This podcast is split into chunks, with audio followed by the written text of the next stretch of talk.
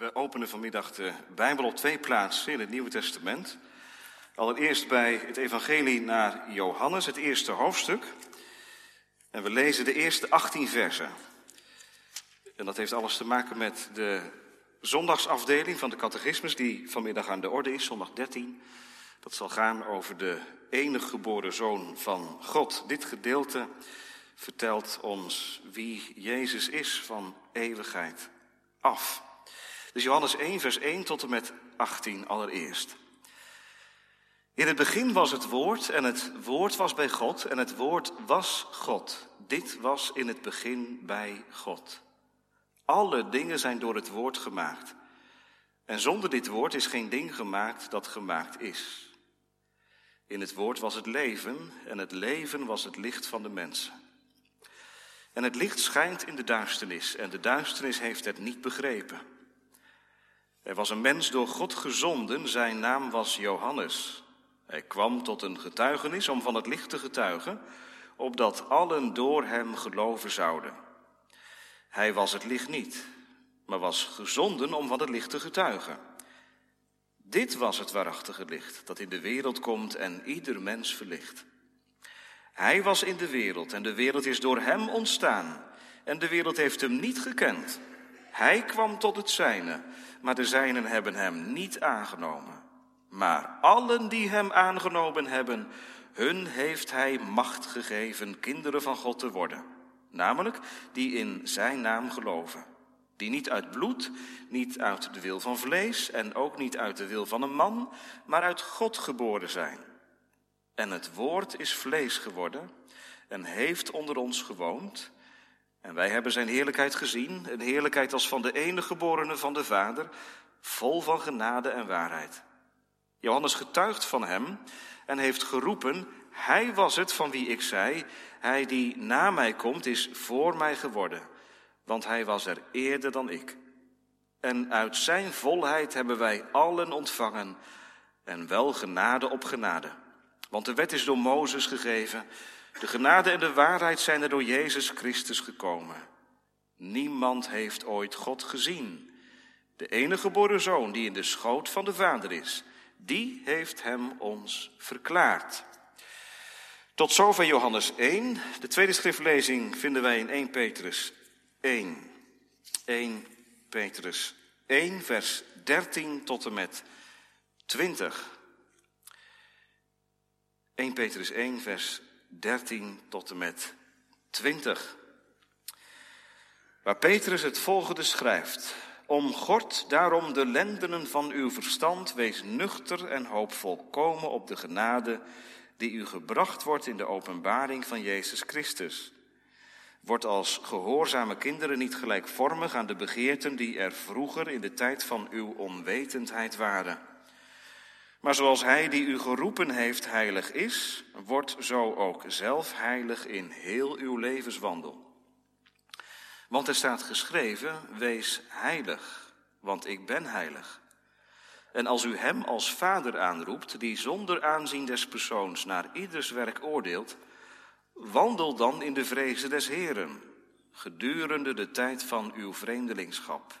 In de wetenschap dat u niet met vergankelijke dingen, zilver of goud, vrijgekocht bent van uw zinloze levenswandel, die u door de vaderen overgeleverd is, maar met het kostbaar bloed van Christus, als van een smetteloos en onbevlekt lam.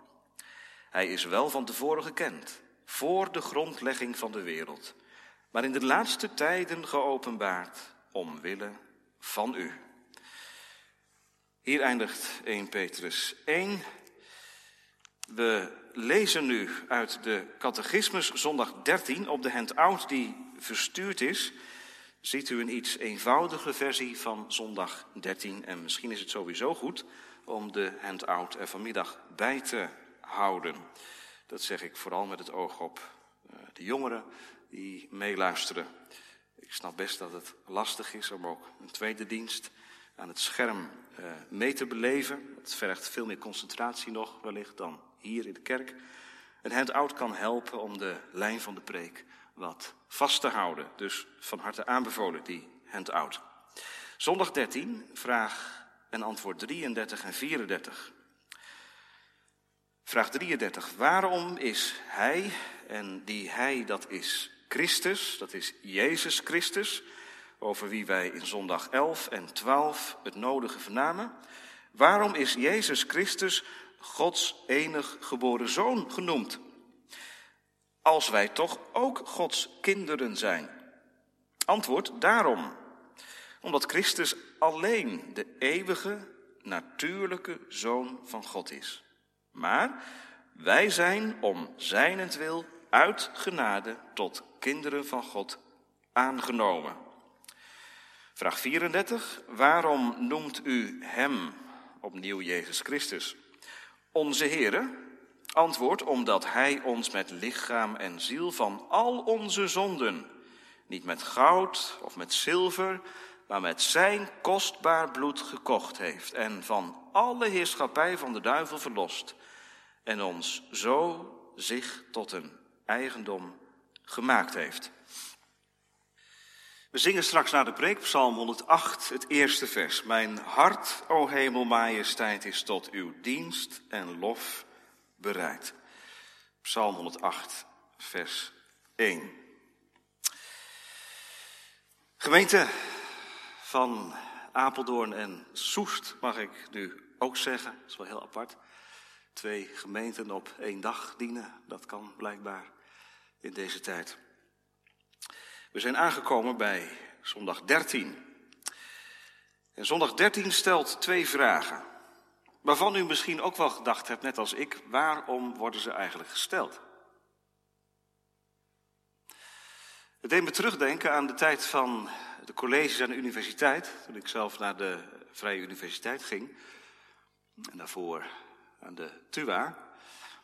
Je zat met medestudenten in een collegezaal en tijdens de collegestof, die gedoseerd werd door de docent, kwamen er vragen boven.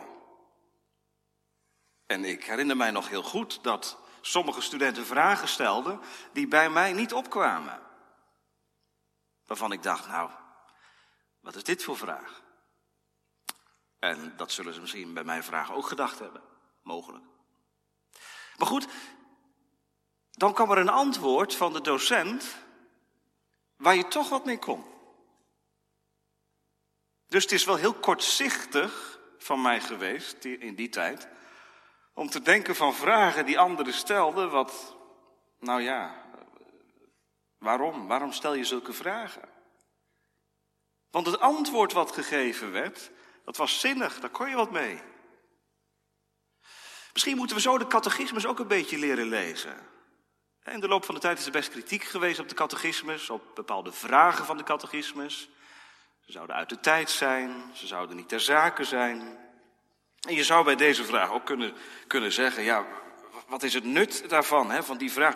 Waarom is Jezus Christus Gods enige geboren zoon genoemd, als wij toch ook Gods kinderen zijn? Waarom brengt de catechismus dat ter sprake? Nou, misschien om ons wijzer te maken als het antwoord vanmiddag klinkt. Het is een vraag inderdaad die we onszelf niet snel zouden stellen, denk ik. Maar laat dit antwoord dan in ieder geval stof tot, niet, niet tot speculeren, maar tot mediteren opleveren. Tot aanbidding. En daarom thema, hoe heerlijk is uw naam? Want dat is wat de catechismus bedoelt. In de lijn van zondag 11 en zondag 12 borduurt de catechismus door op de naam Jezus Christus. Wie is dat nu eigenlijk? En als je dan de antwoorden proeft, dan zijn het antwoorden die sprankelen. Hier is het geloof, de gelovige aan het woord. Die vanuit het hart antwoordt. Niet op een theoretische vraag, maar op een vraag die er toch toe doet. Hoe heerlijk is uw naam? Twee gedachten. Allereerst, Jezus is als enig kind onze oudste broeder. Dat is vraag en antwoord 33. En onze tweede gedachte, Jezus is als Heere onze eigenaar. Vraag en antwoord 34. Dus hoe heerlijk is uw naam? Jezus is als enig kind onze oudste broeder.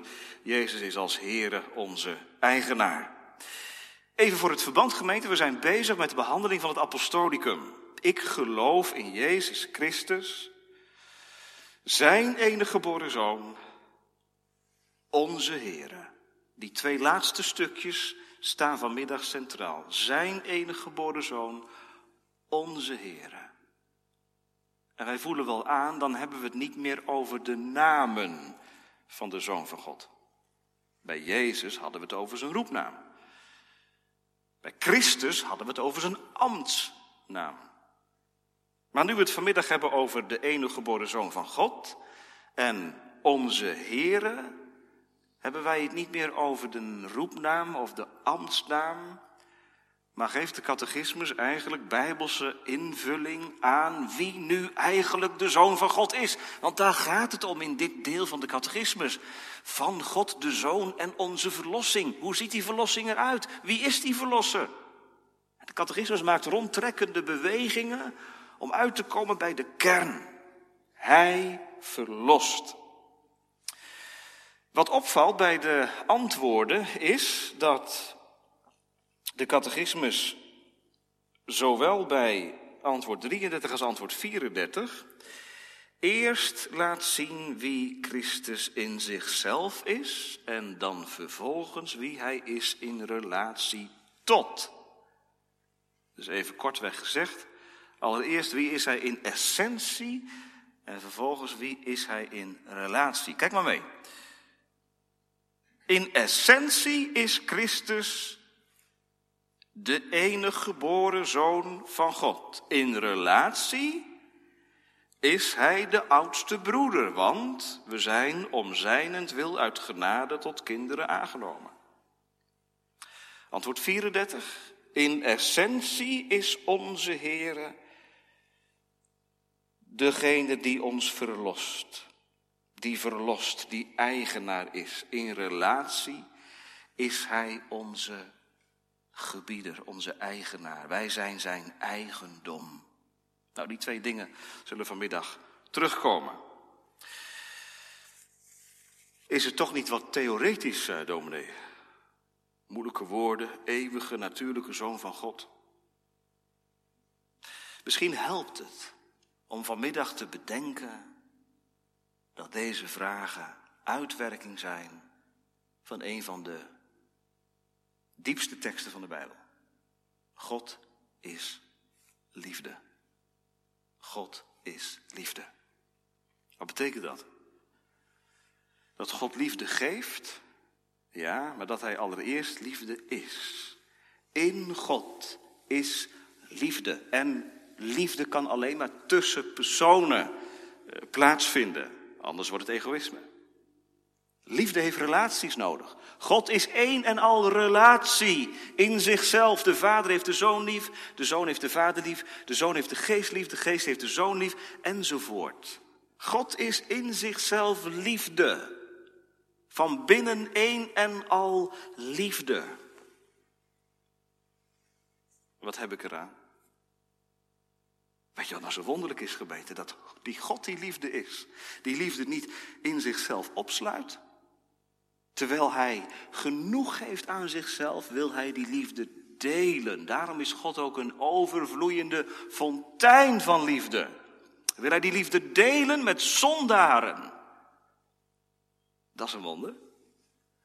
Gods liefde kan niet opgesloten blijven. Gods liefde moet eruit. Gods liefde wil beantwoord worden. Gods liefde wil in relatie met zondaren beleefd worden, geloofd worden. En daarom is zondag 13 de zondag waarin het gaat over de grote familie van God. Mag ik dat zo zeggen vanmiddag? De grote familie van God. Weet u wie daarbij horen? Jezus als oudste broeder. En de kinderen van God horen er ook bij. En samen zijn zij het huisgezin van God. Is wat? Jezus oudste broer. Ik door het geloof broer, zus van anderen en kind van God. Natuurlijk is er onderscheid tussen die oudste broeder en de kinderen van God. En dat is wat de catechismus duidelijk wil maken. Er vallen twee dingen op. Allereerst dat Christus de eeuwige en natuurlijke zoon van God is. De eeuwige zoon van God. Dat betekent, er is geen beginpunt geweest. Hij is altijd al zoon van God geweest. Hij is nooit zoon geworden. Wij worden geboren. Maar van de zoon geldt, hij is van eeuwigheid geboren. God uit God, licht uit licht. Het duizelt je als je daarover nadenkt. Wij kunnen überhaupt niet in die dimensies denken. Wij kunnen alleen maar in tijd en ruimte denken. God is wel betrokken op onze tijd en onze ruimte, maar hij is er niet aan onderhevig. Hij heeft geen begin, geen eind. Hij is de alfa en de omega. En de zoon van God is eeuwig. Nou, dat is al een verschil met een kind van God, hè? Want, want er is een moment dat een, een, een mens kind van God wordt.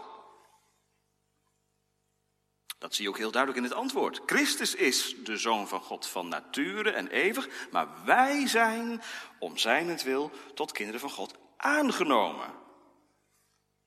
We hebben samen gelezen, Johannes 1, en daar zie je die twee dingen heel mooi bij elkaar.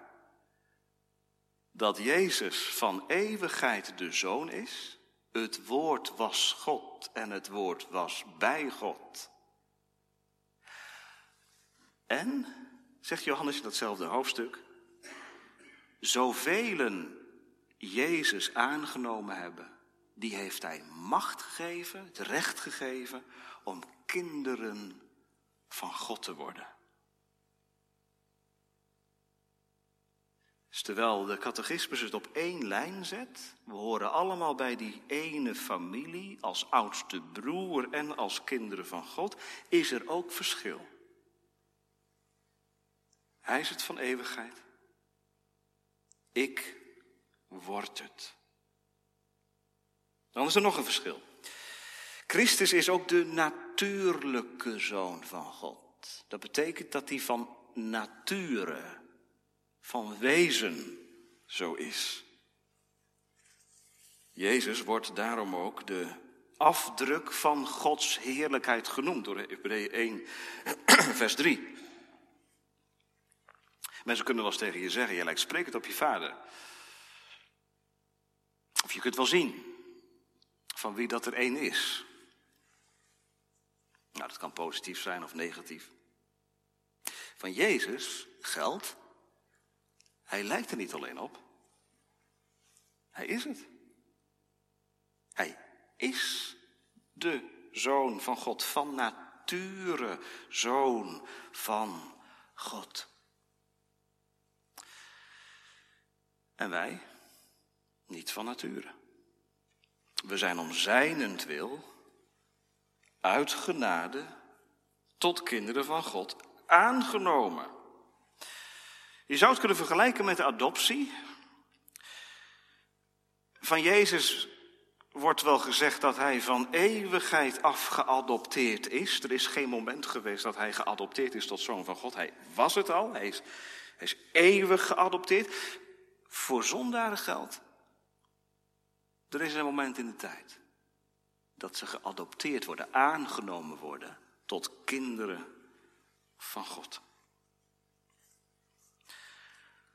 Ja, zegt iemand. Wat uh, moet ik daarmee? Met die verschillen. En uh, dat is natuurlijk een hele belangrijke vraag tegenwoordig. Hè? Wat heb ik eraan? Wat heb ik eraan? Nou, laat mij dat laatste zinnetje nog even wat mogen uitwerken. Wij zijn om zijnentwil uit genade tot kinderen van God aangenomen. Gemeente, dit is zo'n diepe, diepe zin. We kunnen een kind van God worden. De catechisme zegt het nog stelliger, hè? we zijn het. Dit is de taal van het geloof. Nee, kind van God zijn is geen optelsommetje.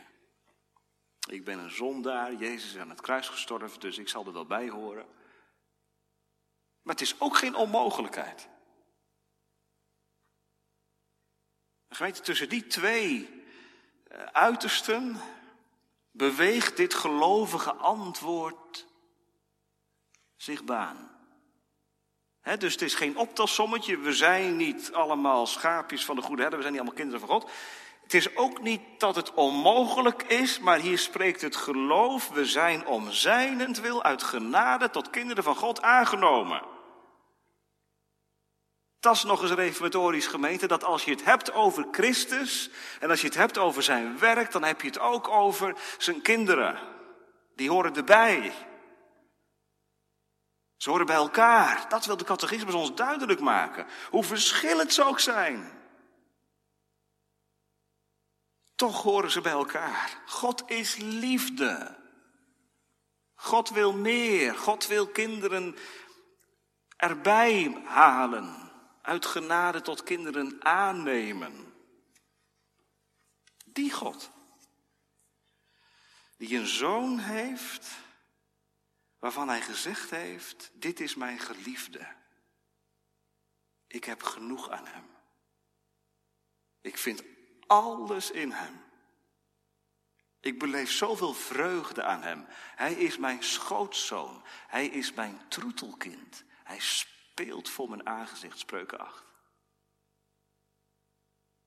Maar God zegt, ik wil meer. Ik wil zondaren terug. Ik wil jou terug. Ik wil u terug. U luistert mee. Hij wil u terug. Kind van God. Dat is geen onmogelijkheid. Ja, van ons uit wel. Maar van hem uit niet. Want om zijnentwil en uit genade hoe doet hij dat? Nou, de voorbereiding bracht mij bij Ezekiel 16. Ezekiel 16, daar tekent Ezekiel heel aangrijpend het beeld van het volk van Israël met een kind wat pas geboren is en wat de vondeling gelegd is in het veld. Het kind ligt nog in het geboortebloed, is nog helemaal niet gewassen, in de vlakte. Ten dode opgeschreven. Niemand die zich ontfermt over dat kind. Dat kind is voortgekomen uit een Amoritische vader en een Hethitische moeder, dus een zondige afkomst en een zondige geschiedenis. Wat moet er van dat kind worden? En dan zegt Ezekiel, toen kwam ik de Heere voorbij en ik zag u vertreden in uw bloed. En ik bleef stilstaan en ik ontfermde mij over u. En ik zei tot u in uw bloed, leef, leef. Ik wil niet dat u sterft. Het is aan Gods ontferming en welbehagen te danken dat Israël tot kind werd aangenomen. Het kind wordt gewassen, gezalfd met olie, wordt zelfs met goud en zilver versierd. Die weggeworpen baby waar niemand naar keek. Dat is nou het voorwerp van liefde van God. Peter, dat beeld. Dat beeld. Neem dat eens mee vanmiddag. Hoe kijkt God naar mij? Nou, van nature deugde niets. Dan ben ik inderdaad zo'n kind wat weggeworpen is op de, op de vlakte van het, van het veld. En ik ben overgeleverd. Maar dan is God er, die mij wil aannemen tot kind en van kind van de toorn wil maken, kind van God. En als er nou iemand zegt, ja, wat moet ik daarvoor doen? Moet ik de aandacht trekken van God? Wat moet ik ervoor doen? Gemeente, er zijn twee dingen die al ons doen doorhalen. Om zijnentwil uit genade. Die twee dingen laten zien dat het echt helemaal bij Hem vandaan komt.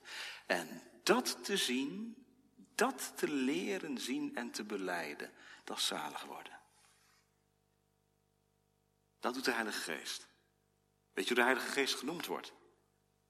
De geest van aanneming tot kinderen. Toch prachtig? Wat doet de Heilige Geest? Die geeft het zicht op Jezus Christus en leert mij zeggen, Abba Vader, net zoals Jezus met zijn vader sprak, mag ik tot God zeggen, u bent mijn vader. Dat doet de Heilige Geest.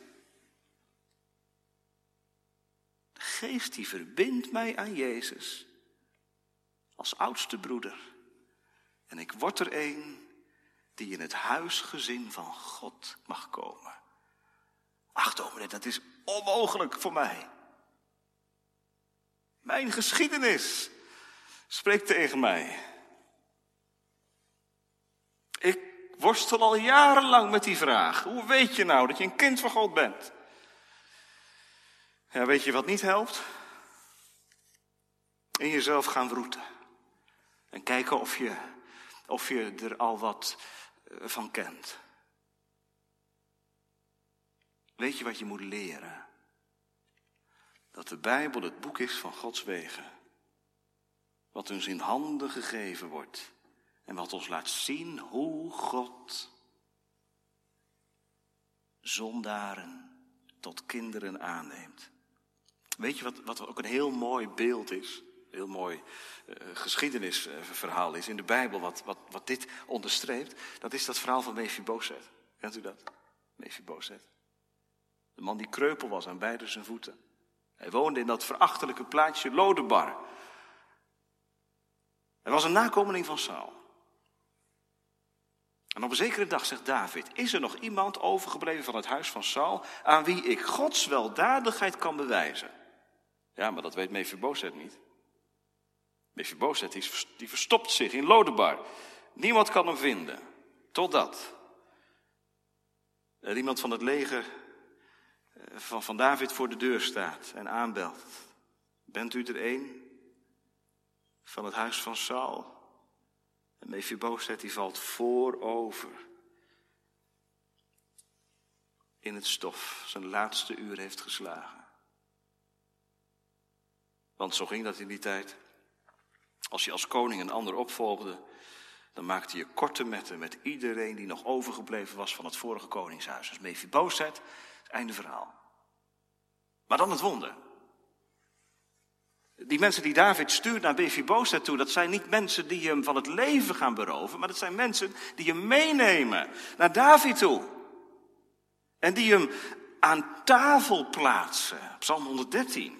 Aan de tafel van David. Hij mag deel uitmaken van, van het gezin van David. Hij mag meeeten. Hij hoort erbij. Waar heeft hij dat aan verdiend? Nergens aan. Als je het aan Mephibozet zou vragen, Mephibozet, wat heeft jou bezield om aan deze tafel te zitten? Dan zou hij zeggen, wat? Dat komt niet bij mij vandaan. Dat moet je bij David zijn. Die heeft ervoor gezorgd. Nou, dat vind ik nou zo'n mooi beeld hè, van, van hoe God weldadigheid bewijst in levens van zondaren. Is dit niet het geheim? Gemeente. Niet dat je met jouw verhaal komt hoe het allemaal gegaan is. Maar dat als het erop aankomt, je maar één ding kunt zeggen. Om zijnentwil uitgenade aangenomen tot kind van God. Kijk, al die verhalen eromheen. Het houdt het niet als de duivel je aanvecht als je de dood in de ogen ziet. Maar dit houdt het.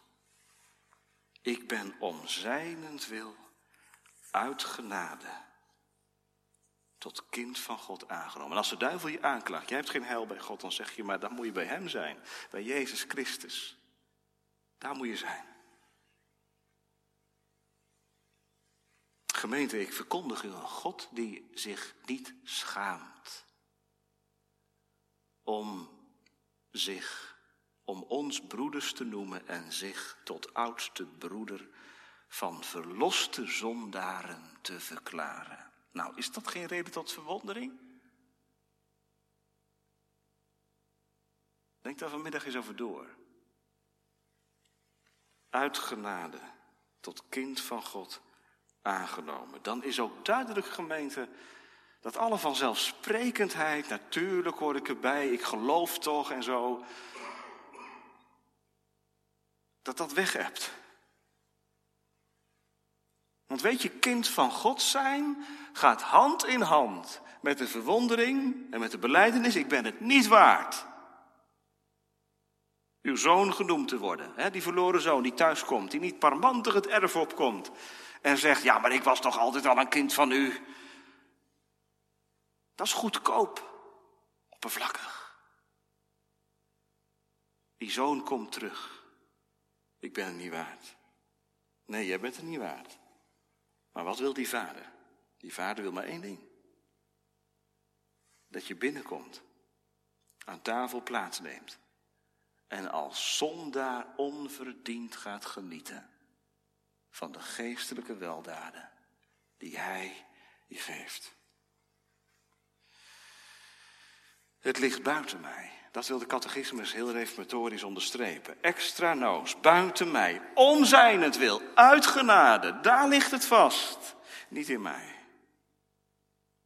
En als het daar vast ligt, ja, dan mag ik mijzelf ook eigendom weten van Hem. En dat gaat wel hand in hand, hè? Ik bedoel, als wij altijd maar cirkelen rond die vraag: ben ik wel kind van God? Ben ik er wel? Ik durf het mezelf niet. Hoe staat het dan met vraag en antwoord 34? Eigendom zijn van Hem, leven voor Hem. Ja, maar je kunt die twijfel toch niet weg, uh, weghalen uit je hoofd. Nee, dat is zo. Maar die twijfel, laat ik dat dan vanmiddag in ieder geval zeggen. En dat twijfelen aan, ben ik het wel en, en, en kan ik het wel zeggen, dat is niet reformatorisch hoor. Dat hebben wij in de loop van de tijd wel van gemaakt. Je kunt beter duizend keer twijfelen dan één keer met zekerheid zeggen, ik ben een kind van God.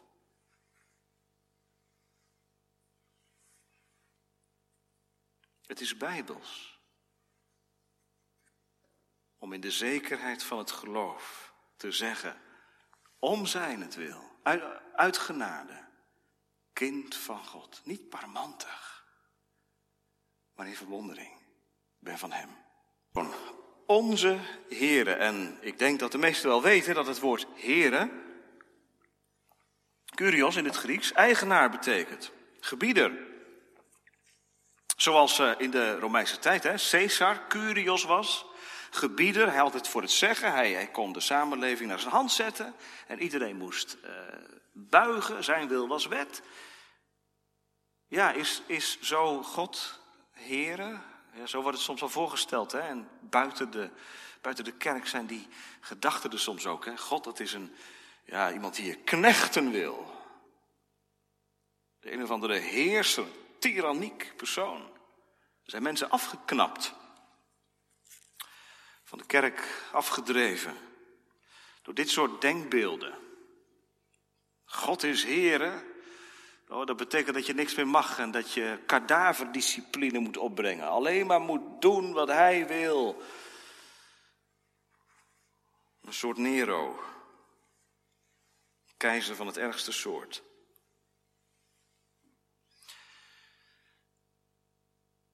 Omdat hij ons met, het lichaam, met lichaam en ziel van al onze zonden niet met goud of met zilver, maar met zijn dierbaar bloed gekocht heeft. Waarom noemt u hem onze Heere niet?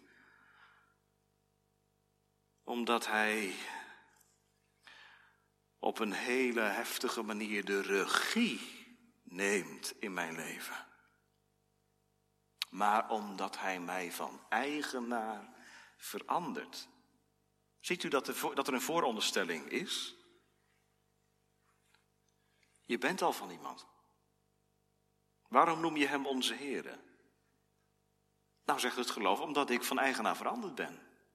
Als je de Heer Jezus niet kent, ben je ook van iemand. Je bent namelijk, lees maar in het antwoord, eigendom van de duivel.